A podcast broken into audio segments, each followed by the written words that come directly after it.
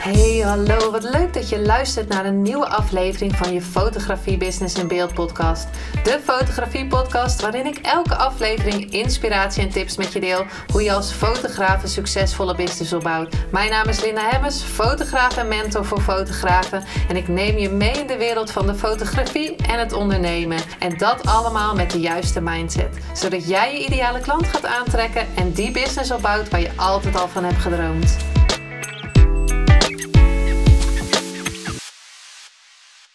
Hey, hallo. Wat leuk dat je weer luistert naar een nieuwe aflevering van je Business in Beeld podcast.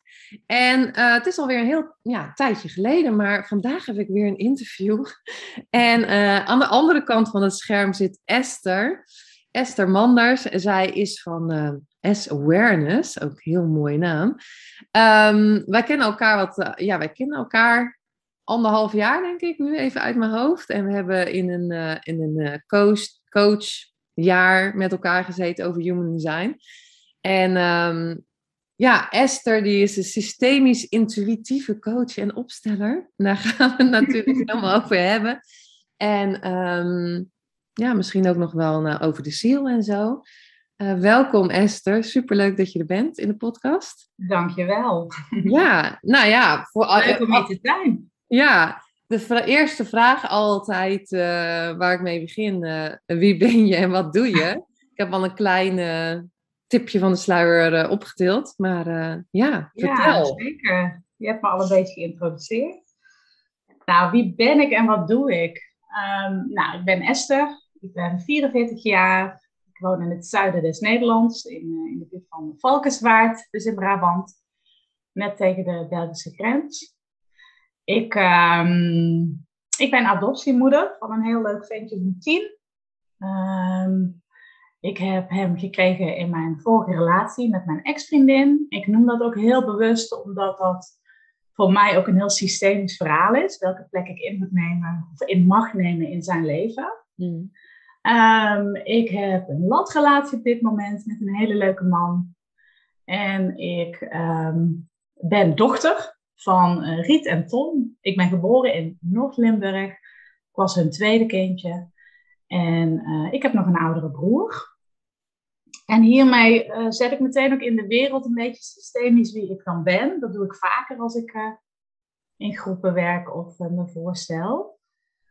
Um, en wat doe ik? Ik doe heel veel.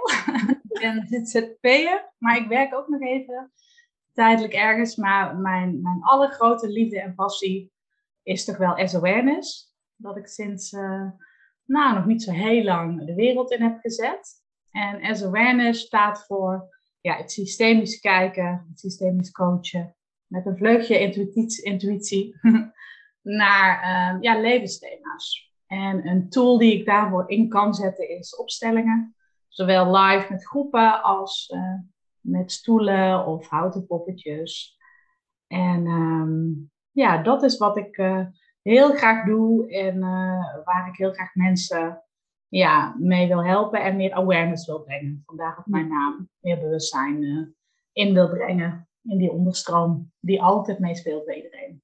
Ja, want jij zegt systemisch, want als er mensen luisteren en die denken, ja, wat, ik wou zeggen, wat de fuck is systeem? Ja, snap ik. Mag gewoon. maar wat... ik, want mijn vriend zei in het begin, ja, systemen, weet je, als je in de techniek zit, hoe, hoezo dan? Ja. Dus ik snap dat heel goed. Um, systemisch wil eigenlijk zeggen dat het een, uh, een geheel is waartussen allerlei verbindingen liggen. Tussen mensen, bijvoorbeeld in een familiesysteem, relaties, um, waarin er allerlei dynamieken spelen. Uh, maar dat kan ook op het werk, in een organisatie. Um, het kan in een relatie zijn tussen ouders en kinderen. Dus het zegt eigenlijk niet meer dan uh, de onderlinge wisselwerking. En daar heb je eigenlijk een aantal ja, natuurlijke principes in. En op het moment dat je die weet en dat je hmm. daar ook meer bewust van bent en ook zelfs misschien naar gaat handelen, ja, dan gaat het je soms gewoon gemakkelijker af dan kom je er lekkerder in te zitten. Dan ben je niet zo tegen de stroom in aan het leven of tegen de dynamiek in aan het leven. ja, eh, want het is dan energie, energie.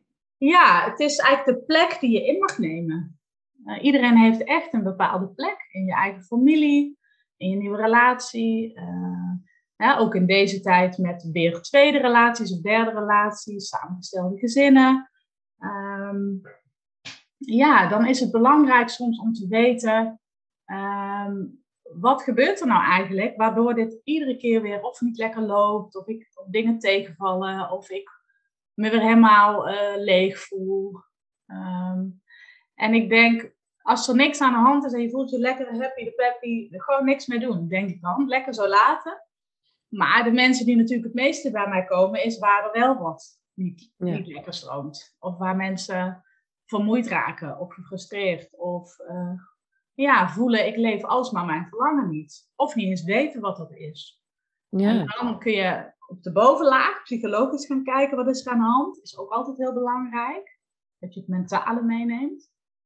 Maar het is ook heel goed om wat zit er in de onderstroom. En ik noem dat dan het onderbewuste. Want het is eigenlijk 90% wat ons stuurt. Ja. En daar zitten de dynamieken vaak ook van.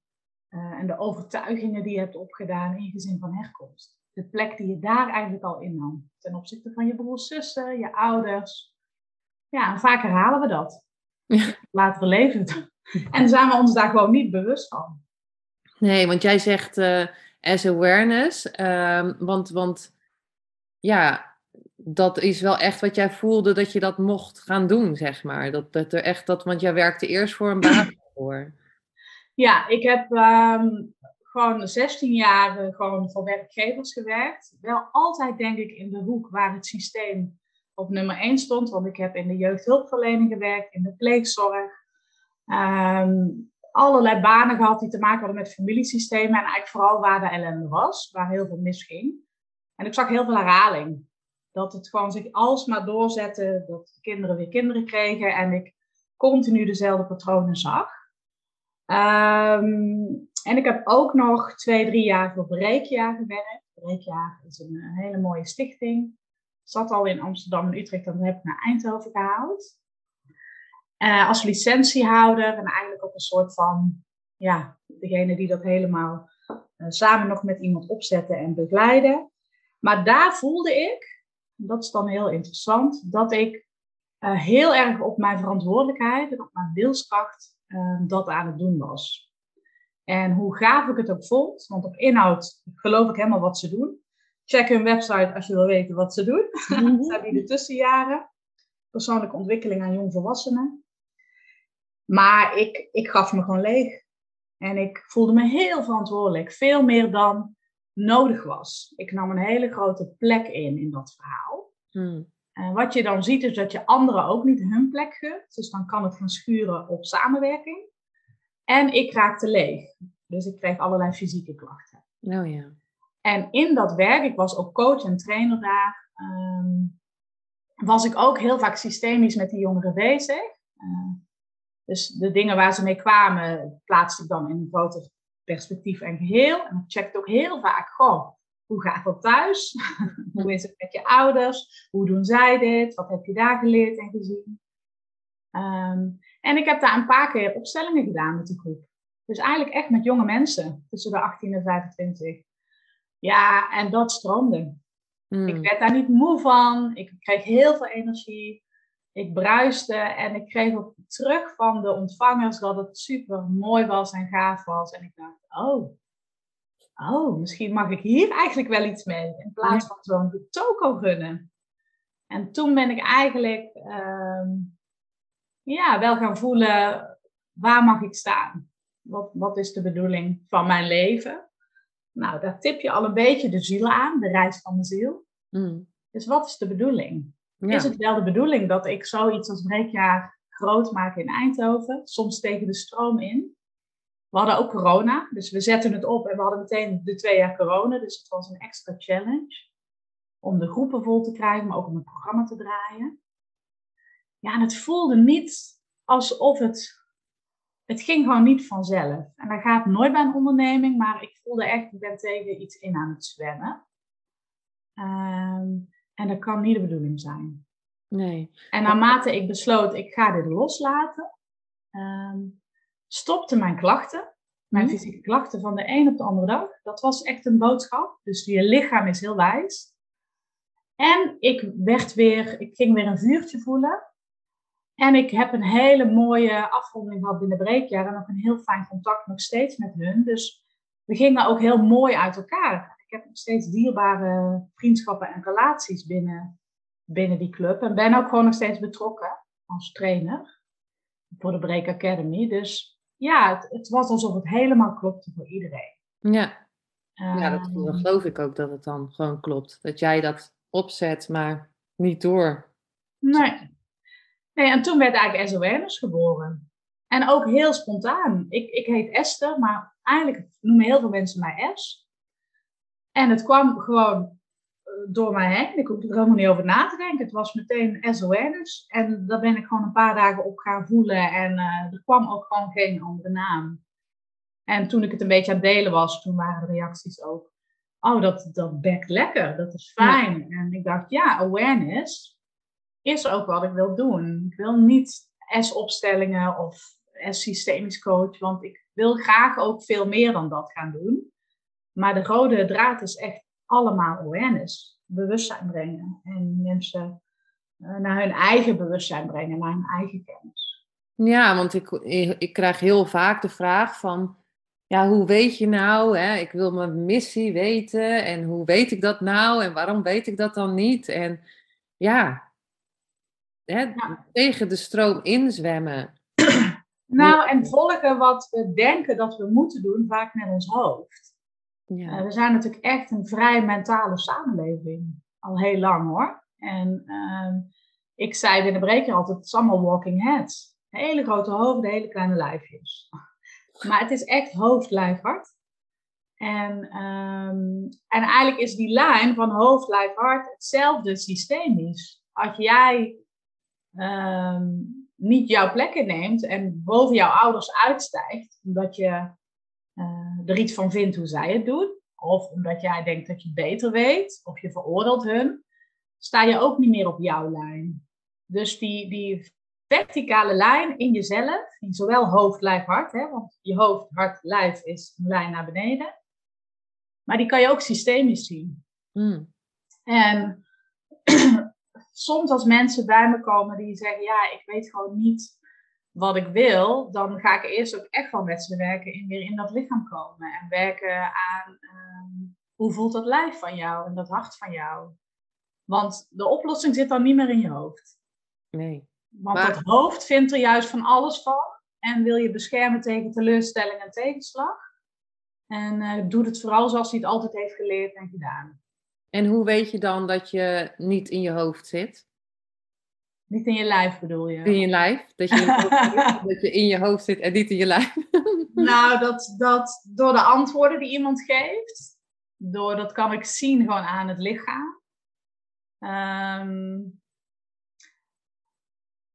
door de ademhaling. Vaak zit hij dan vrij hoog. Um, de oogopslag, waar kijken de ogen naar? Um, en heel veel woorden. Ik merk ook, nu praat ik heel veel. Maar als ik de opstellingen ga doen, ben ik veel stiller. En op een of andere manier verandert mijn stem ook. Ga ik trager praten. Mijn stem wordt zachter.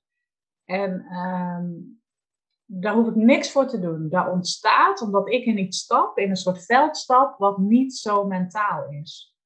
En nu zijn we in gesprek en dan schiet ik zelf ook naar mijn hoofd. Dat voel ik ook. Mm. Dus zo af en toe in dit gesprek check ik even, voel ik mijn billen nog? Oh zo. Zit ik nog goed? En zit ik naar achter of ben ik heel erg naar voren? Dus ik heb mezelf gewoon... Ja, gelijk naar achter. Ja! ik ook. En ik zit op een bankje. Dat is eigenlijk niet zo handig, want er is geen rugleuning.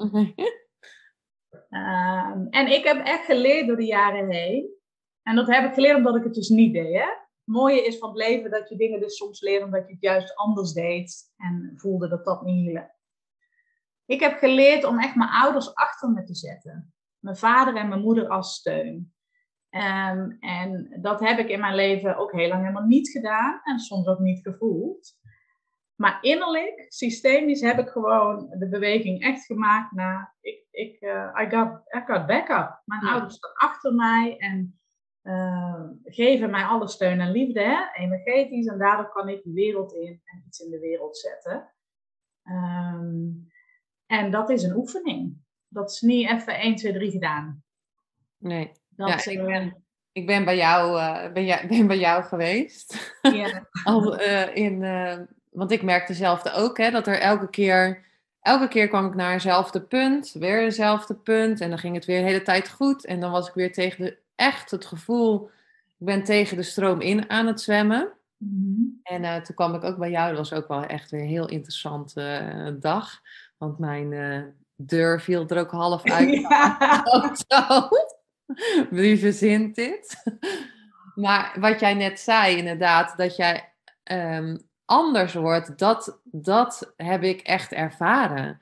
En dat, daar, dat, dat was voor mij ook heel emotioneel om dat te zien. Hoe jij, want jij deed de eerste meditatie. Uh, en toen deed ik mijn ogen open en toen zag ik echt dat je veranderd was of zo. Dat was echt super mooi om te zien. Dat je ook echt inderdaad rustig was. En ja, ik vond, ehm, het was echt een hele mooie ervaring uh, om, om een opstelling te doen. Ik wist eigenlijk helemaal, ik had wel van opstelling gehoord, maar ja, ik wist, ik heb thuis verteld en mijn ouders die keken me echt met grote ogen aan. Waar heb jij het over? Ja, ja. En weet je nog wat, wat je, kun je nog terughalen wat het meeste impact dan op jou heeft gemaakt in die opstelling?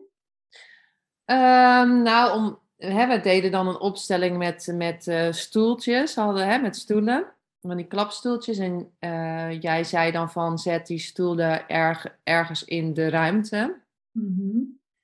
En uh, toen had ik ja, vader, moeder, mijn zusje neergezet. En toen vroeg jij van zet jezelf eens erbij. Hè, alles op eerste ingeving. En ik dacht, hè? Wat? Ja. Ik, ik ben helemaal niet erbij. Oh, dus dat, ja, dus dat was voor mij echt wel een, de eerste eye-opener. Dat ik dacht van, oh, oké. Hè, waar ben ik? Ja. En, um, en wat nog meer, uh, wat ik nog meer echt heel mooi vond eraan is dat als ik op zo'n stoel ging zitten, jij vroeg dan wel eens van, ga eens op de stoel van je vader zitten dat ik ook echt in een andere energie stapte. Ja. En als je dat dan zo uitlegt aan iemand, hè, dus ik vertelde dat dan aan tafel aan mijn ouders. En die dacht echt. Right. wat right. Ja. Mhm. Maar het is, ja, het is echt, en, en het voelde dan de ene keer warmer aan en de andere keer koud. En ja, het, het, het was echt zeer interessant. En um, daarnaast ook dat uh, ja, uiteindelijk ga je ook wat stoelen verplaatsen. En hè, dat, dat je weer een beetje goed uh, op je eigen plek komt zitten. Maar ook dat ik het later met mijn zusje erover had. En die had ook allerlei dingen gevoeld. Ah. Dus er, er was wel, er, er gebeurde gewoon wel iets. Dus dat was wel echt heel interessant om, uh, om te doen. En... Ja, dat vind ik het mooie ook ervan. Ehm, ik heb dat zelf toen ik begon met opstellingen ervaren. Um, maar nu ik zelf ze geef en coach ben en ik, ik, mensen dan weer spreek een tijdje later. Het liefste spreek ik mensen een paar weken daarna weer om even te horen hoe zit je erbij en uh, hoe, hoe werkt het door. En heel vaak hoor ik dan dat uh, er in het, in het gezinssysteem ook ineens iets is gebeurd. Terwijl die mensen waren er gewoon niet bij. Nee. Dat is ook geen doel op zich, want het is een innerlijk proces. Ik, ik werk met de klant en zij of hij mag van binnen iets ervaren. Mm. Maar ja, de, de, de mooie bijkomstigheid is, is heel vaak dat of een vader, of een moeder, of een zus, of een broer, dat daar ook iets in beweging is gekomen. En het is altijd ten goede aan het systeem. Dus mensen zijn wel eens bang dat het dan dingen in gang zet die ze niet willen. Of die, maar het is helpend aan het systeem. Ik zeg altijd, ik probeer gewoon de liefdestroom weer terug te brengen in het systeem. Ja. Het is geblokt, het is gestokt. Uh, er zijn aannames gedaan, of mensen hebben hun, zichzelf op een andere plek neergezet dan waar ze horen te staan. Of uh, ja, het gaat natuurlijk ook vaak om dingen die niet gevoeld mochten worden vroeger. uh, maar die wel zijn opgepikt door het systeem. En die vaak de klant, want anders komen ze niet bij mij, heb, hebben gedragen. Ja. Degenen die bij mij komen zijn eigenlijk altijd de mensen die dat van hun het systeem op zich hebben genomen als een soort spons. En uh, er in een opstelling achterkomen dat het dan eigenlijk niet van hun is. Een groot verdriet bijvoorbeeld van de moeder. Of ja. een, een afgewezen gevoel van de vader. En in de opstelling zien we dat gewoon. Ja. Door de manier van de stoelen, of als ik met representanten werk, hoor het van de representanten. Dus we krijgen helder waar iedereen een beetje staat en um, waar de stroom geblokkeerd is. Ja. Want ik geloof dat, dat ten alle tijde ouders van hun kinderen willen houden en kinderen van hun ouders. Um, op hele enkele uitzonderingen na, maar in principe is dat gewoon de dynamiek. Maar ja, onze ouders uh, en de, de, ouders daarvoor uh, komen ook van een tijd waarin we niet zo bewust waren en al helemaal niet over gevoelens met elkaar uh, hadden. Nee. Dus wij, onze generatie en ook de generatie na ons, is daar veel meer mee bezig. Ja, wat ik denk ook best wel moeilijk is voor de hè, ouders. En ineens komen er allemaal ja. gevoelens naar boven. En ik, bij mij zeggen ze ook wel eens van, oh, wat heb jij nou weer gedaan? Weet je wel? Ja. Iets ja. en dit en dat. Maar wat, wat, wat bij mij daarna is gebeurd, is dat ik een ander anders handelde dan ik normaal handelde, waardoor de ander, dus bijvoorbeeld mijn vader, ook anders handelde dan daarvoor.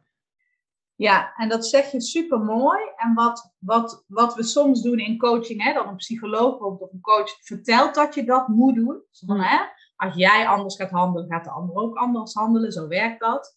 Maar dat is allemaal weer met je hoofd. Dat is allemaal weer heel mentaal. En ons lijf, ons systeem zegt dan echt soms innerlijk nee. Ik hoor het wel wat je zegt, wat ik moet doen, maar ik kan het niet of ik wil het niet. En bij een opstelling, of als we systemisch een traject ingaan, dan zeg ik niet tegen jou, je moet dat doen. En dan gaan we er gewoon naartoe, hoe het nu is. We gaan altijd eerst naar hoe het nu is. En dat mag er eerst helemaal zijn. Daar veranderen we ook even niks aan. En ik, ik laat ook het systeem zichzelf ontvouwen. Dus ik, ik vraag meestal hoe het voelt op die plek, maar ik zal nooit zeggen, nou jouw stoel moet nu daar komen staan. Ik vraag dan meestal van, goh, wat zou je willen? Waar zou je willen staan? Of probeer eens uit, van is het anders als je ergens anders gaat zitten? En um, dus er zit een ontzettend zelfhelend vermogen in de persoon, maar ook in het systeem. En dat is denk ik wat ik gewoon openklap met een opstelling. Het is vaak ook anderhalf, twee uur, hè, het is best een lange zit. Omdat ik de tijd ook neem. Het is niet duwerig of pusherig. Ik heb ook eigenlijk geen doel. Vind ik ook heel belangrijk als opsteller dat ik geen doel heb of uitkomst. Ik weet echt niet waar het naartoe gaat. En ik ben gewoon alleen maar bezig dat er bedding is, zodat het systeem dit zelf kan doen. Ja. En de klant zich veilig voelt om het echt aan te gaan en aan te kijken en het uh, door zich heen te laten gaan. Ja, en kom je dan dichter bij die ziel? Want, hè, want we willen echt die Want wat is, die reis, wat is de reis van de ziel eigenlijk? Ja, dat is natuurlijk een onwijs grote. ja, ik weet ook niet natuurlijk wat de ziel is. Maar ik, ik uh, denk dat iedereen daar ook voor zichzelf mag voelen. Maar ik kan wel zien dat je hebt wel een soort familiegeweten. Uh, naast dat er ook een cultuur is in een familie, heb je ook een soort geweten. En misschien uh, ja, zijn, is de familie, uh, ben jij dan onderdeel van een grotere bezieling of ziel. En ik denk als het voor jouzelf gaat over de reis van de ziel, is het dat, dat je um, dingen in je leven mee mag maken om van te groeien. En dat het eigenlijk, hoe pijnlijk ook, voor jou werkt en niet tegen jou werkt. En dat je uh, de reis van de ziel betekent dat je net als een soort in een sprookje ja, ook draken tegenkomt en mhm. tegenslag. Maar ook helpers. En uh, Joseph Campbell heeft daar heel mooi aan de reis van de held. Hè? Misschien ook een prins. En een prins, ja, ja, of een prinses. of je wordt zelf de prinses. Maar dat, dat, dat, het, dat de weg nooit geplaveid is en van A naar Z. Dat, dat is gewoon uh, al die Hollywoodfilms of al die, die verhalen, dat is gewoon niet zo. Uh, weet je, dat was misschien vroeger zo. Je gaat naar school, je gaat daar werken en dat is het dan. Je hebt heel veel zijweggetjes en ehm, je mag zelf ontdekken ehm, wanneer je weer op de hoofdweg bent. En voor mij is de reis van de ziel dat dat er allemaal bij hoort. Dat het echt de bedoeling is om soms diep te gaan, om te vallen en weer op te staan. En dat de mensen die je tegenkomt in je leven ook de bedoeling zijn. Zowel de hele mooie mensen als de pijnlijke mensen. En ehm, ja, misschien zelfs dat, dat, dat klinkt misschien heel zweverig, maar dat we dat ooit met elkaar allemaal hebben afgesproken. En ehm, ja, we komen hier, maar we zijn hier echt maar tijdelijk. Ons lichaam is echt een omhulsel. We hebben een persoonlijkheid, we hebben een mind. Ja, en ik vind het fascinerend, waar gaat die ziel dan naartoe? Ja, waar gaat die Het is natuurlijk ook niet wat je vast kan pakken. Dus het is denk ik ook mijn enorme fascinatie daarmee. Um, en ik heb veel gereisd en in heel veel andere culturen praten ze er ook van anders over. In het boeddhisme bijvoorbeeld of in het hindoeïsme. En het is in Nederland denk ik gewoon een beetje bedoezeld door ja, het geloof en de kerk en alles wat daar de laatste tientallen jaren van naar buiten komt. Maar ja, je kan het ook God noemen. Het is gewoon iets groters dan jij, waar jij op intunt en die je de weg wijst. Ja. En je ziel is voor mij ook echt het soort hogere weten. Je weet gewoon, dus ik kan het steeds beter voelen als ik ehm, niet aan het doen ben wat de bedoeling is voor mijn leven. En als ik het niet voel, zoals toen bij Breekja, dan word ik ziek. Dan laat mijn lichaam het weten. Ja. En, uh, waarbij ik niet wil zeggen als je ziek wordt dat het altijd dat je er dan fout aan bent, helemaal niet. Maar dan stroomt het niet in je lichaam. Nou, ik denk wel als je ziek wordt, dat je ehm, misschien het al zo lang hebt opgebouwd, die energie, ergens, misschien van hè, kind af aan al, dat, dat zich elke keer dat, dat uh, opstapelt. En uiteindelijk, uh, ja, word je dan ziek. Dat, dat denk ik wel. Ja, wat zijn allemaal cellen, hè? En ook cellen met bewustzijn. Dat vind ik zo mooi. We hebben echt heel veel cellen in ons lijf.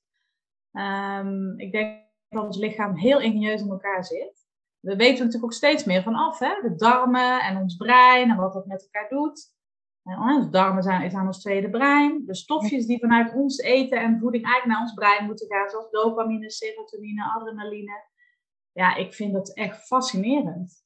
En um, dus gelukkig worden wij steeds bewuster, meer aware van hoe holistisch het allemaal in elkaar zit. Hmm. En ik denk dat we heel lang hebben geleefd vanuit ons hoofd, die walking head. En nu je het ook ziet om je heen, we veel meer naar beneden aan het zakken zijn. En ons lichaam ook mee gaan nemen. Dat hoofd hoeft niet weg, maar het mag veel meer in balans. Ja. En dat is eigenlijk hetzelfde binnen het systemische kijken van dat je balans terugbrengt in een systeem als jij heel erg de neiging hebt om dingen te dragen in je gezin of op te lossen, je verantwoordelijk te voelen, ja, dan kan het zijn dat je als kind gewoon opgestegen bent, zoals Els van Stein dat heel mooi verwoord in haar fontein. Dat is een metafoor die zij gebruikt, systemisch. Ja, dat je jezelf groter hebt gemaakt dan je ouders. En hmm. dat je dus niet op de kindplek bent gaan staan. Nou, dan kun je er donder op zeggen dat je gedoe gaat krijgen met je bazen, je werkgevers, mensen met gezag, misschien ook wel in je relatie. Want je maakt je groter, je neemt meer op je dan nodig is uh, en dan de bedoeling is. Ja, ja dan, uh, dan gaat dat tegen je werken. Ja, dat, dat willen we niet. Nee, dat, lijkt, dat is heel vermoeiend, weet je. Daar uh, kun je echt stuk op lopen. Ja, nou ja, ik denk dat er ook heel veel, eh, hè, er is meer bewustzijn, maar er zijn ook gewoon inderdaad nog heel veel van, nou ja, dit is wat ik moet doen en ik doe het maar gewoon. Ja. En, dit is, en dat is eigenlijk best wel zonde. Ja, en er zijn natuurlijk ook een groep mensen, en dat is ook helemaal oké, die gewoon denken, nou, ik wil gewoon lekker leven en een eh, beetje geld op de bank en op vakantie en ik ben er happy mee. Uh, dus, dus ik zeg ook absoluut niet dat iedereen ineens hier dan iets mee moet. Ik denk dat het allemaal vanuit die vrije beweging mag ontstaan. Er is ook niks beter. Dat is ook zo'n mooi principe binnen het systemisch kijken, dat je ook niemand buitensluit. Dus ook uh, niet de mensen, in mijn geval, die hier niks mee hebben. Nee. Dus voor mij is het ook de kunst, en ik geloof me, die heb ik. Ik kom uit een familie die helemaal niet coachend zijn of hulpverlenersachtig of systemisch. Dus ik heb echt vaak en veel moeten uitleggen wat ik doe. En inmiddels doe ik het eigenlijk gewoon niet eens meer. ik doe gewoon mijn eigen ding. Hmm. Maar ja, we mogen echt allemaal anders zijn. En uh, voor mij was het echt de bedoeling dat ik daar niks van vond en dat ik dat insloot. Dat mijn systeem nou helemaal, ja, op, allemaal op een andere manier uh, hun leven wil leiden. Inclusief ja, andere keuzes maken.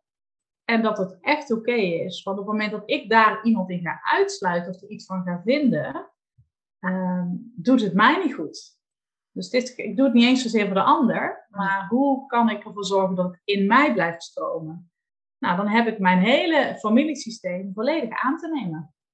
Um, en dat is denk ik een levenslange proces. Dat is niet iets wat je even beslist in één keer doet en dan is het klaar. Dat voor mij is dat practice iedere keer weer. Ja. Um, en ook geloven, dat is denk ik ook echt zo wat ik doe, dat het helemaal klopt. Dat het voor mij helemaal klopt, de mensen die in mijn leven zijn. Ja, dat ze me ook grounded houden. Ook lekker hier, met, met hele praktische levensinvulling. Nou, is ook goed voor mij dat ik die mensen ook in mijn leven heb. Ja, anders fladder je de hele tijd. Dan fladder ik echt. Oh. Ja. dan verdwijn ik ook in iets luchtledigs. Eh, omdat ik dat, ja, dat, dat, dat, ja, dat zit ook wel een deel in me. Dus ze houden me ook hier. Dus dan klopt het heel erg en dan is die balans er ook.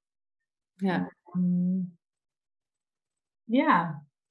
Nou ja, ik denk dat voor iedereen, hè, om, om het even zweverig te houden, dat we voor iedereen natuurlijk gewoon uh, een, een pad is en een bedoeling en, en iets om hier te brengen op aarde. Ja. Dus ja, dat is ook de buurman of uh, ja. die je misschien nou, ik heb een aardige buurman, maar als je van, uh, nou, die buurman, dit, dat. Maar ja, die heeft ook iets. Uh... Ja, dat is mooi dat je de buurman noemt.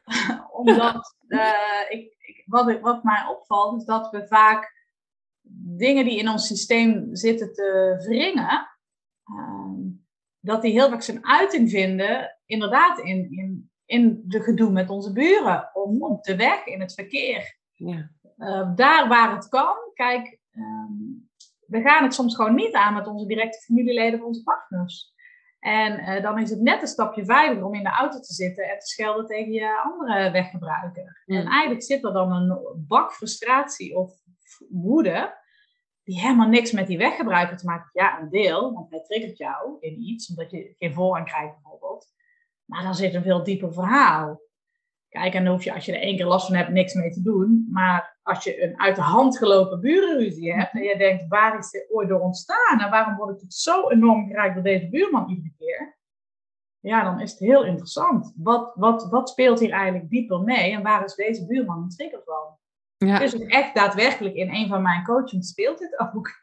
En zij ziet dat gelukkig heel goed. Dus dan kun je het er ook over hebben dat het alleen een trigger is. En dan kunnen we heel snel kijken, wat zit hier eigenlijk dieper? Nou, Naakbal kwam heel snel bij, bij haar vader uit. Hmm. Een mannelijke persoon waarvan zij, zij voelde zich niet gezien en mocht er niet zijn in wat zij voelde. En heeft zich stilgehouden om maar niet tot last te zijn in dit gezin wat al heel veel ellende had. En heeft al die jaren die boosheid onderdrukt. En, um, maar daarmee ook haar levensvreugde onderdrukt. Hmm. Kijk, als je de pijn onderdrukt, dan onderdruk je ook het plezier. Dat vergeten we soms. Dus in de copings die we dan aanleren om maar te dealen met het leven en niet te voelen bijvoorbeeld, de moeilijke dingen niet te voelen, ja, ontnemen we ons ook de, de grote joy en de vreugde. Ja. Dus door het weer te durven voelen, kan, komt ook de stroom of, of, of het gevoel weer vrij dat je ontzettend kan genieten van iets, of heel blij kan worden, of gelukkig kan voelen. Dus in haar geval zijn we het lijf echt ingedoken. Zij was ook echt vanuit mentaal, had, had, had wel tien ontwikkelboeken langs de bed liggen, wist, wist nog dingen beter dan mij. maar waar zij niet in zakte, was haar lichaam en haar, en haar voelen. Ja. ja, en dan is zo'n buurman een hele mooie trigger. En, en, en, uh, en überhaupt de weerstand die zij voelde om bijvoorbeeld haar, een van haar ouders op te zoeken. Terwijl ze dat niet wil. Weet je, met, met je hoofd wil je het niet, je vindt het ook niet goed, maar je voelt het tot in je tenen. Ja, dan is het soms heel goed om te kijken, wat voor verhaal zit er in jouw lijf? En uh, welke beweging wil je en kun je daarin maken? Ja, maar dat is wel mooi dat je dat zegt, want ik zeg inderdaad mijn buurman, maar um, ik ken ook iemand, ik zal geen namen noemen, met een buurvrouw. en, oh, en elke keer denk ik, oh, en dan hoor ik weer iets over die buurvrouw. En dan denk ik, maar als je er van naast staat, denk je echt van, waar maak je je druk om, hè? Ja. Maar het is zo'n groot ding. Ja. Maar dat is natuurlijk, wij weten het altijd beter voor de ander. Maar wij zitten niet in dat gevoel. Nee. En dat bedoel ik met die onderstroom. Het lijkt dan aan de buitenkant iets kleins. En je denkt, of met je ex, dat, dat vrienden van je kunnen zeggen, nou, dat je nog steeds last hebt van hem. Weet je, laat hem toch, zo is hij nou eenmaal. Ja, maar soms is dat verhaal met die ex-partner gekoppeld aan iets wat je als kind in jouw gezin hebt gevoeld. Hmm. En als je die allemaal niet weet en je komt er maar niet achter waar het ooit is gestart, ja, dan kun je wel honderd keer horen van iedereen dat je ermee moet stoppen. Maar dan lukt het gewoon niet. En dat bedoel ik, dan gaan we het in ons hoofd proberen op te lossen. Krijgen we hele mind, uh, mentale tips. Ja, en ik denk altijd als je dat al drie keer hebt geprobeerd, of een, of een jaar lang, of uh, dan is het tijd om een laagje dieper te gaan. Letterlijk je lijf in, maar ook een laagje dieper in de onderstroom. Hmm. En uh, ja, wat ik bijna altijd zie, is wat jij net ook mooi vertelde over jouw verhaal, dat dan de stroom weer op gang komt in een gezin. Jij anders naar je ouders gaat kijken, zonder dat iemand heeft gezegd dat je dat moet doen. Uh, kan iets heel kleins zijn wat er dan gebeurt. Maar daarmee je echt de hele, de, alle radertjes in je systeem uh, ja, een andere kant op laat gaan. Ja. Um, en dat is heel subtiel vaak. Um, ja, en ik vind dat gewoon heel mooi. Dus je bent niet verantwoordelijk ervoor dat het in je gezin dan weer leuk gaat. Want je doet het voor jezelf. In jouzelf um, voel jij je dan fijn, hè? omdat je de rugdekking van je vader voelt. Of, of je, de liefde van je moeder. Um, en dan ga jij met een andere houding, onbewuste houding, de volgende keer bij je ouders op de koffie zitten. Ja. En dat vind ik zo mooi. Um, Mensen zijn ook altijd bang, ja, moet ik dan nu iets met mijn ouders als ik bij jou aan de slag ga? Nee, uh, je mag met jezelf iets en je innerlijke houding daarin. En zelfs dat moet je helemaal niet. Je mag gewoon helemaal vrij gaan voelen wat, wat er gebeurt hier. En dan zien we wel waar het naartoe gaat. Maar bijna allemaal, iedereen die bij mij is geweest, heeft vervolgens uh, net een iets andere verhouding. Of thuis in je eigen gezin, of met je gezin van herkomst of op je werk. Hè? Net maar net met welk thema je bij mij kwam. Ja, en ik weet soms ook niet hoe het werkt. Ik zie alleen dat het gebeurt. En uh, ik kan er heel veel analyses op loslaten, maar dat hoeft ook helemaal niet. Nee. En, en in het begin van ons voorgesprek hadden we het nog even over vrouwenlijn, mannenlijn, innerlijk kind. Want dat, ja. ja, dat zie je nu tegenwoordig best wel veel voorbij komen. Ja. Want hoe, hoe zit dat precies, een innerlijk kind? Slim dat je dit vraagt. Oh ja. ja, ik gebruik dat heel vaak inderdaad. Uh, daar, kan, daar doe ik ook mooie opstellingen mee. Nou, het innerlijk kind kun je zien als het kleine, hè, ik praat even vanuit de vrouw, hè, want wij zijn vrouwen. Het meisje in jou, um, dat ergens in haar leven uh, misschien gestopt is met voelen of gestopt is met, met uiten of delen. Um, vanuit ja, overleving. Op dat moment, in dat, die situatie was dat nodig, dacht jij. Want als kind ben je gewoon onwijs afhankelijk van je ouders. Hmm. Voor hun liefde, maar ook letterlijk voor, een, voor het eten, voor een slaapplek, um, voor de verzorging. En echt iedereen, bijna niemand uitgezonderd. Dat, dat hoort dan ook echt wel weer bij het leven, denk ik. Ook als je dus kinderen krijgt. Je kan niet voorkomen dat ze kwetsuren opdoen. Dat hoort er gewoon bij. Ehm, ja, dan, dan is dat kind in jou, dat kleine meisje toen, uh, heeft, heeft iets misschien achtergelaten. Of is iets gaan doen om aangevonden te worden en bij het gezin te mogen blijven horen. En als we als volwassenen kunnen kijken naar dat kleine meisje, dat moet dan innerlijk kindwerk doen, en op kunnen halen wat daar nog ligt, aan misschien pijn of rouw of verdriet of uh, juist ook enorme kracht. Heel vaak laten we onze kracht ook achter, onze vuurkracht. Uh, uh, pittige kinderen bijvoorbeeld, of vurige kinderen, dat werd ook allemaal ingedampt, hè? vroeger heel erg. Nu hopelijk iets minder. Ja, dan, dan, uh, dan maak je het gewoon weer wat heler. Moet je je voorstellen dat je dat innerlijk kind nu als volwassene aankijkt en jij vertelt eigenlijk jouw eigen innerlijk kind wat je toen nodig had gehad. Dus je bent nu de ouder voor jouw eigen kind, wat er toen om wat voor reden dan ook niet was. Daar hoeven we niemand voor te beschuldigen. Het is gewoon precies gegaan zoals het ging. En vaak wisten je ouders ook gewoon niet beter. Zij zijn ook weer opgevoed hè, door, door ouders. Maar als jij dat nu kan, en je kan zeggen, goh, ik zie jou. En ik zie dat je het moeilijk hebt en dat mag. Je mag huilen en ik, ik ben er voor je. Kom maar hier. Of je zegt, oh, wat zie ik dat jij graag de wereld in wil en wil springen en dansen. Je hoeft je niet meer in te houden, we gaan het samen doen. Ja, dan, dan geef je eigenlijk met terugwerkende kracht dat deel in jou heel veel toestemming om er volledig te mogen zijn. Met alles wat er op dat moment is.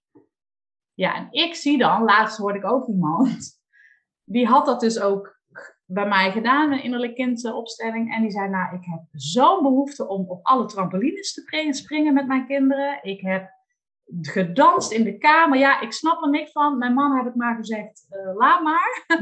maar ik, ik moet dit nu doen. Dus zij, er kwam een heel deel in haar terug, wat zij gewoon had achtergelaten. En zij kreeg daarmee veel meer plezier weer en veel meer levenszin. En ook eigenlijk veel meer creativiteit en inspiratie.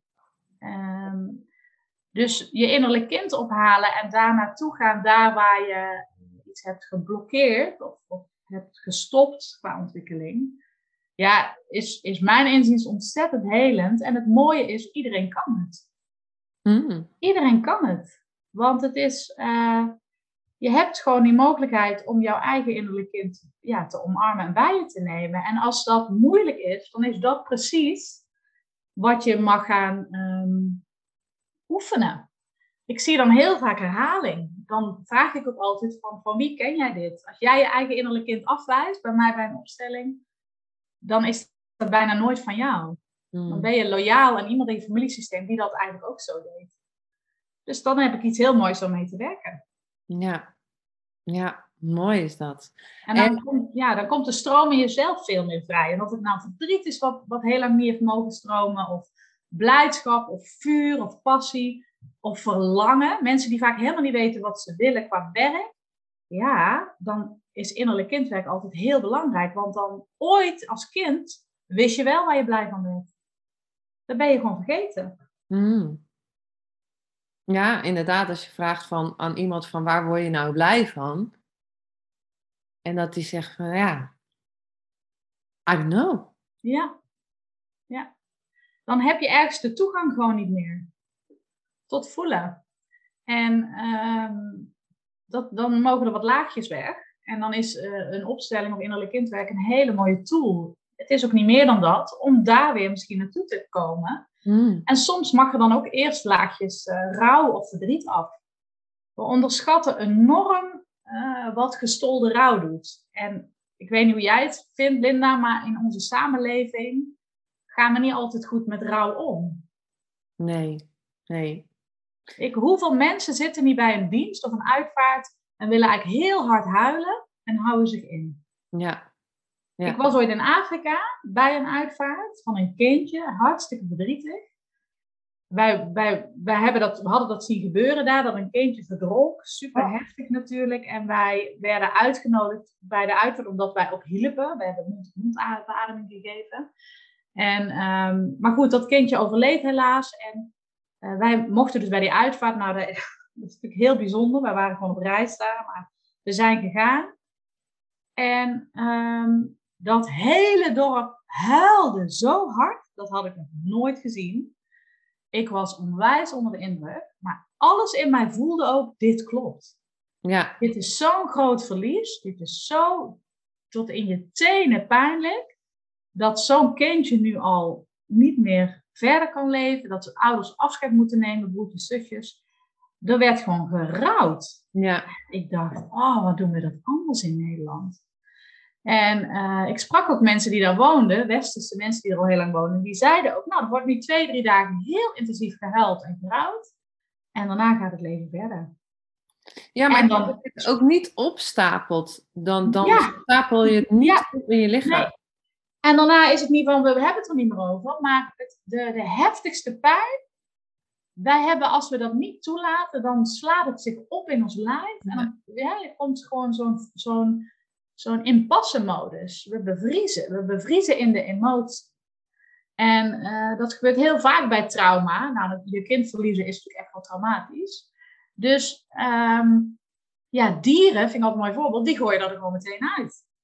Heb je ooit een hond gezien of een dier wat stopt met, met die dan bevriest? Ja, weinig denk ik. Dat is gewoon, ehm, dat wordt er meteen uitgegooid. Of die schudden het los, of die, die, die joekeren heel hard, of die bijten van zich af. Die hebben meteen een respons. Ja, Eh, en wat, wat je bij mij, soms wat ik soms zie, is bij anderen denk ik ook therapeuten, en heb ik ook echt zelf ervaren, is dat dat lichaam dan echt dat trauma nog los moet trillen.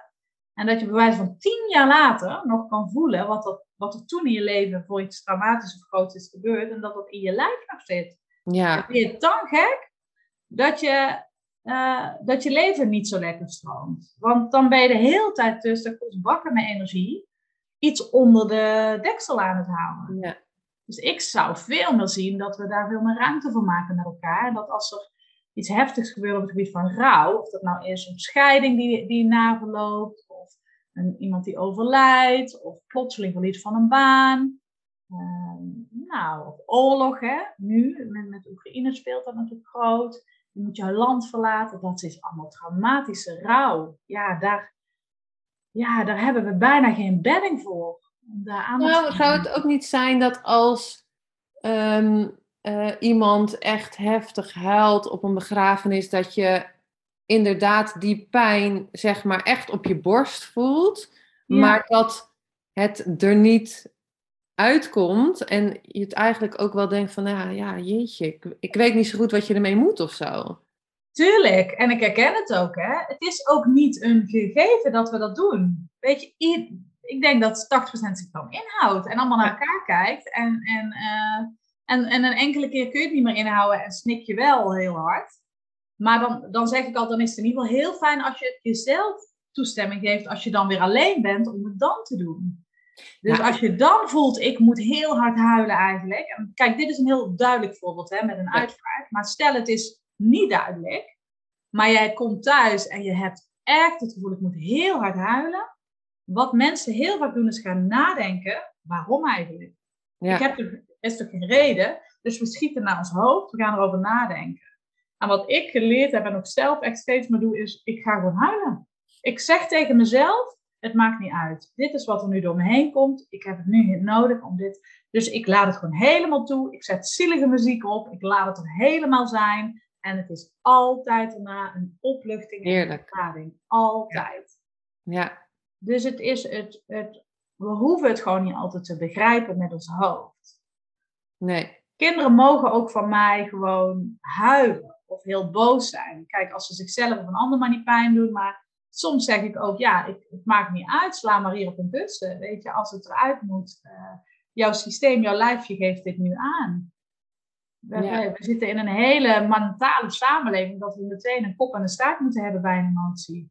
Dit is de aanleiding en dit is wat we nu doen. Ja, Zo ingewikkeld, of zo simpel is het niet. Het is veel ingewikkelder, denk ik. ja.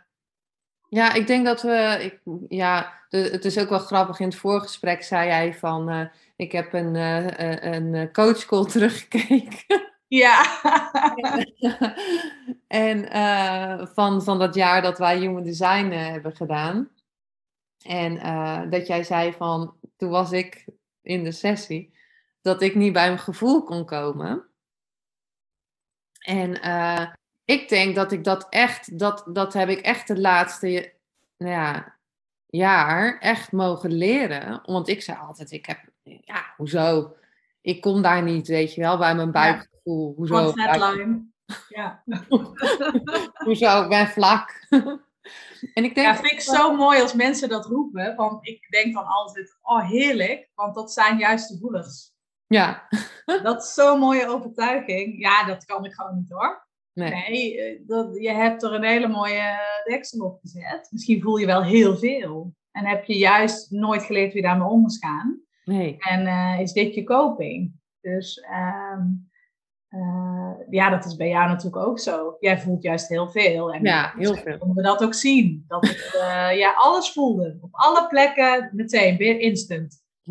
Dus dan laat je lijf echt iets anders zien dan wat je hebt bedacht in je hoofd. Ja, ja. Ja, dat lijf, dat ligt niet, hè? Nee. Nee, dus het, ja, ik, ik, ja, ik heb daar gewoon echt heel veel aan gehad om ook weer inderdaad terug naar dat gevoel te gaan. Om de, inderdaad te kijken van, oh, zo'n buurman die uh, zit met uh, triggeren, wat, wat is er aan de hand, weet je wel? Ja, of je collega. Collega, of, of dat je in de auto zit van, wat kom je thuis en wat heeft iedereen vandaag? Ja, ja, ja, dat is ja, weet je, het is, als je dat eenmaal weet, dan kun je ook eigenlijk nooit meer. Uh, nee. Dat is wel het nadeel. Sinds ik dan dit weet, heb ik nooit meer de smoes om gewoon helemaal los te gaan op iemand. Omdat ik dan altijd weet, shit, hier zit een trigger voor mij. Ja. Uh, dat is dan weer het jammere van de andere kant. Want nou ja. dat vind ik ook wel grappig, inderdaad. Dan denk ik, god, dit en dat. En dan heb ik inderdaad een oordeel. En dan komt hij weer van, hmm, oké. Ja. En dan wat moet je hiermee? Ja, en ik hou wel heel erg ook dat het dan ook. Uh, het leven hoeft niet continu dit te zijn. Hè? Ik, mag, ik mag ook echt van mezelf soms gewoon dit even laten, uh, deze awareness. En al doe ik dat steeds minder, omdat ik gewoon, het is ook geen werk meer, het is gewoon hoe ik leef, zeg maar. Maar het, uh, het is heel lekker om soms gewoon dat, die kennis te laten en dat weten en gewoon af te geven op iemand of een ja. oordeel te hebben. Ehm, ja, alleen, ja, ik weet gewoon, zelfs op Poetin of Trump, er staat altijd een stemmetje op dat zegt, oké, wat spiegelen zij eigenlijk in jou?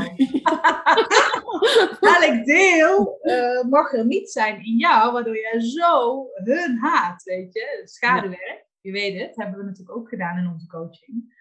Dus, uh, maar ik geef me echt wel toestemming om eerst gewoon helemaal los te gaan erop. En er ook iets van te vinden. Nee, je mag, ik denk ook wel dat je er iets van mag vinden. Ja. Het gaat er ook om, ja, dat je, nou ja, wat, wat, wat vind je er dan van? Ja, je mag absoluut, het is gewoon en-en. Je mag bijvoorbeeld ook van, van iemand in je familie vinden, ik vind hem gewoon niet leuk. Ik, ik, ik, ik, ik weet dat het erbij hoort. Ik weet dat hij bij mij hoort, bij mijn systeem. Ik wil hem ook niet afwijzen of uitsluiten, maar ik kan gewoon voelen, ik vind het gedrag niet tof. Ik vind deze wat hij doet niet leuk, het doet me pijn. Ik zeg ook altijd, is en-en. Volledig erkennen wat er is. En daarnaast, uh, oké, wat, wat, wat mag je ermee voor jezelf? Want alleen maar in de boosheid en haat blijven of in de afwijzing dient jou gewoon niet. Je doet het niet zozeer voor die ander, maar het dient jou gewoon niet. Nee, nee. En uh, als mensen nu luisteren, denken echt van misschien. Waar die tweede het over?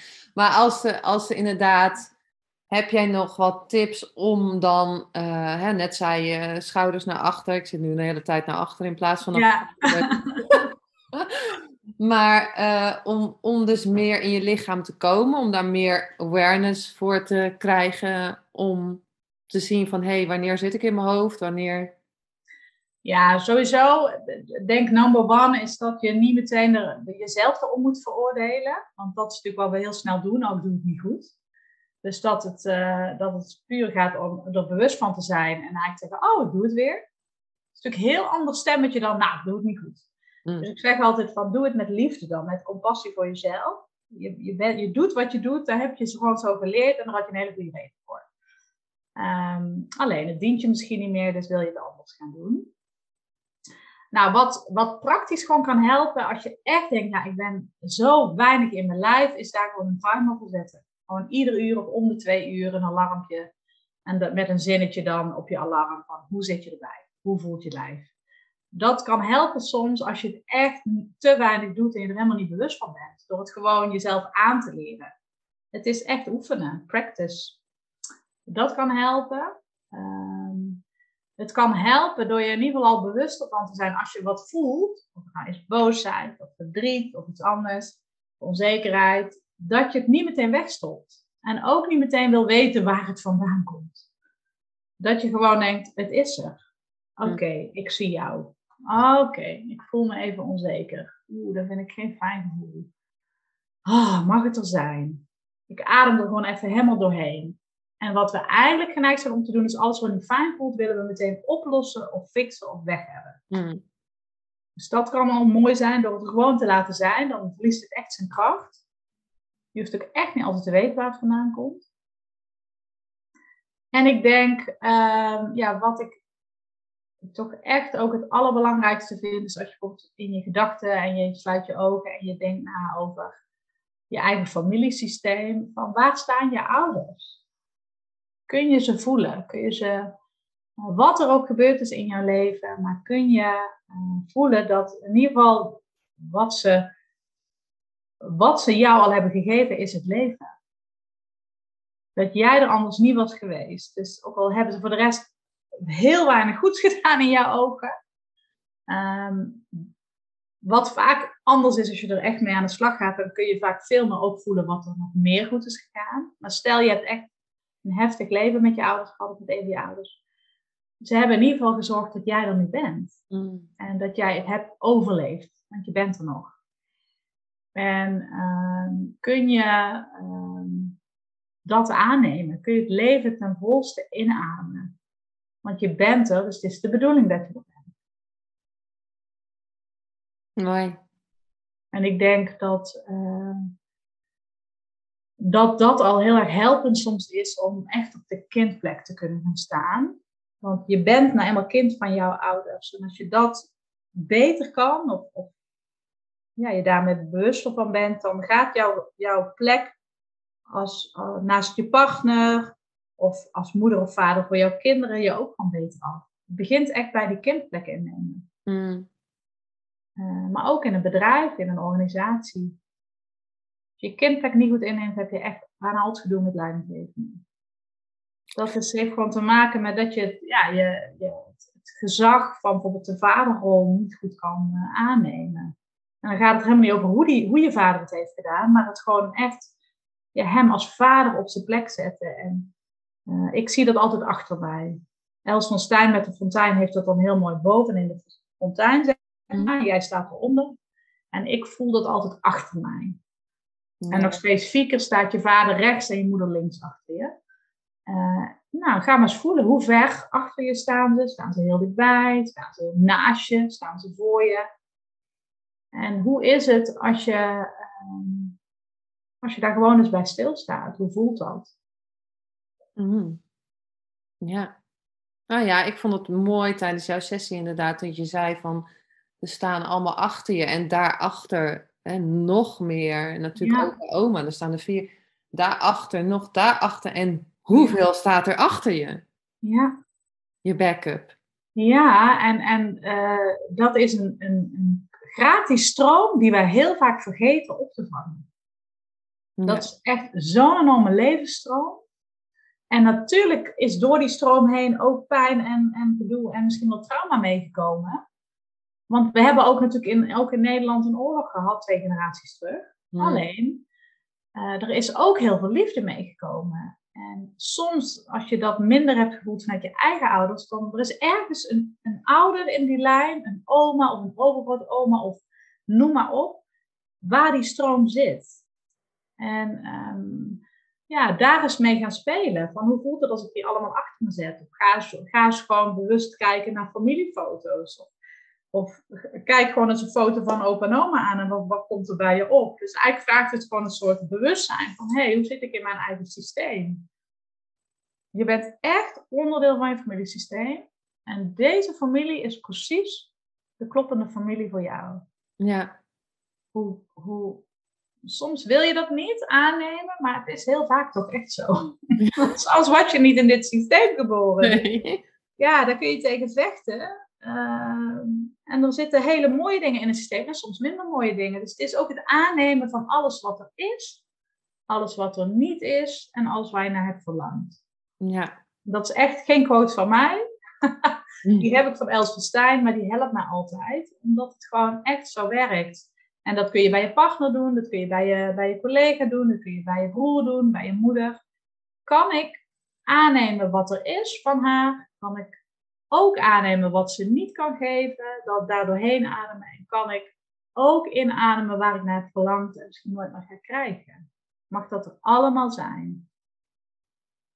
Ja. In mezelf. Ja, mooi. Ja, dat is mooi, denk ik, toch? Ja. Ja.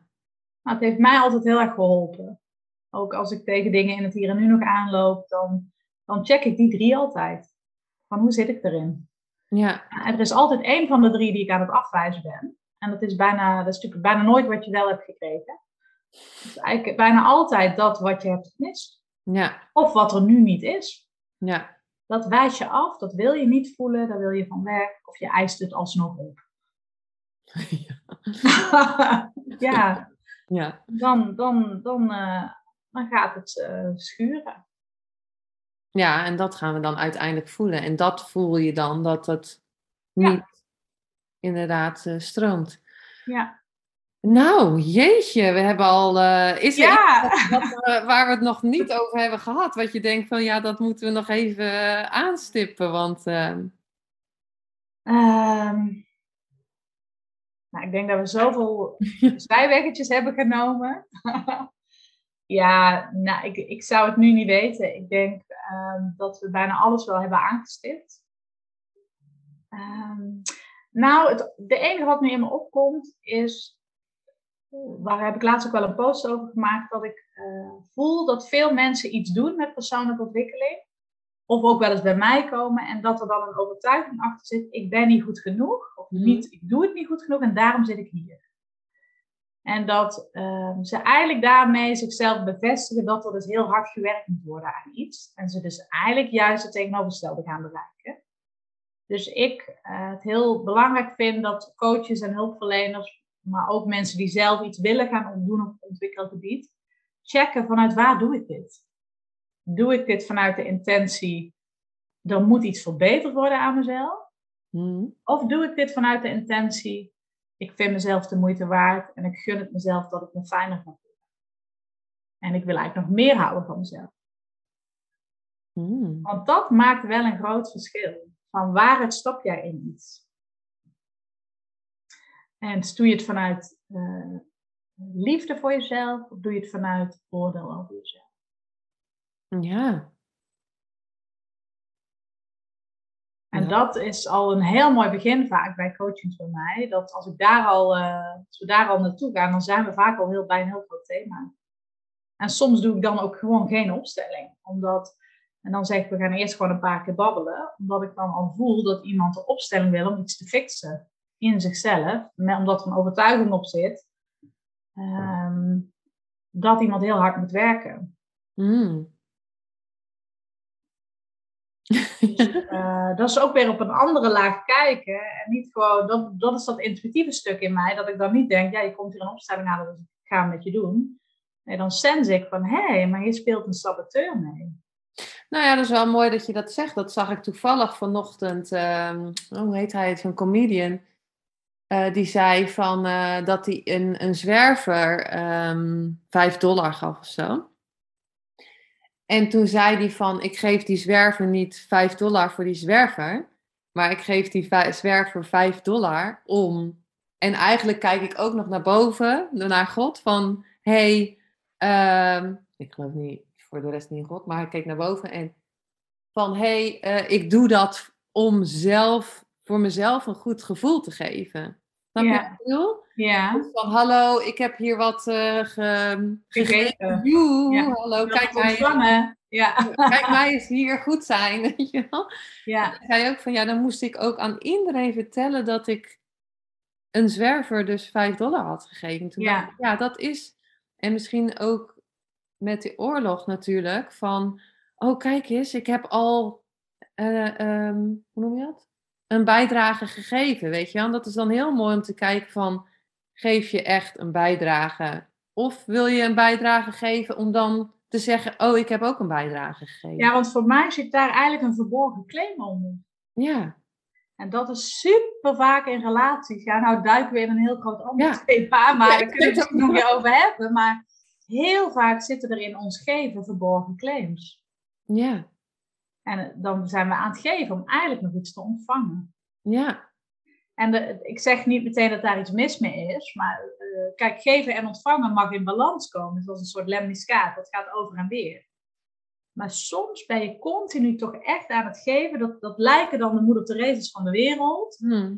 Eigenlijk zit daar een verborgen claim onder. Als ik heel veel geef, dan, mag ik, dan kan ik ook ontvangen of mag ik wat ontvangen. Ja. Dat is een hele ongezonde dynamiek. Want daarmee besta jij dus alleen maar in de gratie van het geven. Ja. Dat zijn de mensen die mogen eh, leren om veel meer gewoon te zijn en niet te doen. En dus als mensen heel erg in het doen zitten en in de actie zitten en in het aanpakken en al bij drie verschillende coaches lopen en nog bij de haptonoom en dan ook nog bij mij iets willen, ja, dat vind ik dan soms echt een red flag. Ja. En dan eh, denk ik, oké, van waaruit ben je dit allemaal aan het doen en voor wie? Ja. Ja. Ja. dan heb je al meteen een heel mooi systemisch gesprek eigenlijk. Dus, ehm, want we worden echt doodgegooid met allemaal zelfhulp, boeken, coachings. En ik vind het heel mooi. En tegelijkertijd ja, is het ook dat, je, dat we elkaar de hele tijd daarmee bevestigen. Van ja, het moet dus nog anders of beter. Of eh, ja, terwijl het leven voor mij ook echt is. Het, het gewoon leren omgaan met de shit die er is. En ook dat het soms niet goed voelt en niet fijn is. Nee. Psychiater Dirk de Wachter, die ik echt volg en geweldig vind, die zegt dat ook. Er is geen quick fix samenleving. Het draait niet om gelukkig zijn. Het draait om leren voelen, alles wat er te voelen is. Inclusief alle pijn en gedoe. Dat, dat is de stroom. Ja, en ik denk zei, dat- als je die minder fijne gevoelens onderdrukt, onderdrukt kijk ook de rest. Dus het is, Ja. maar wij streven iets na van alleen maar gelukkig zijn of eens goed voelen. Of, ja, dat, dat is gedoemd om er ongelukkig van te worden. Dat Ja. is echt wat ik bij de jonge mensen zie. Zonde. De maakbare samenleving. Zowel uiterlijk wise als eh, eh, allemaal positieve mantra's iedere dag opzeggen. Ja, ik ben er ook van. Maar als je dat alleen maar doet, zit je echt in de McDonald's wereld. Ja. Dan wil je de quick fix, maar het voedt nooit echt. Nee. Nee. Ik denk dat het inderdaad allebei mag zijn. Ja, eh, Ja. oordelen. Dat je mag kijken waarom je gaat oordelen. Hè, dat je, eh, niet dat het moet, maar dat, je, dat we meer gaan kijken van wat gebeurt er nou eigenlijk? Wat wil ik voor mij?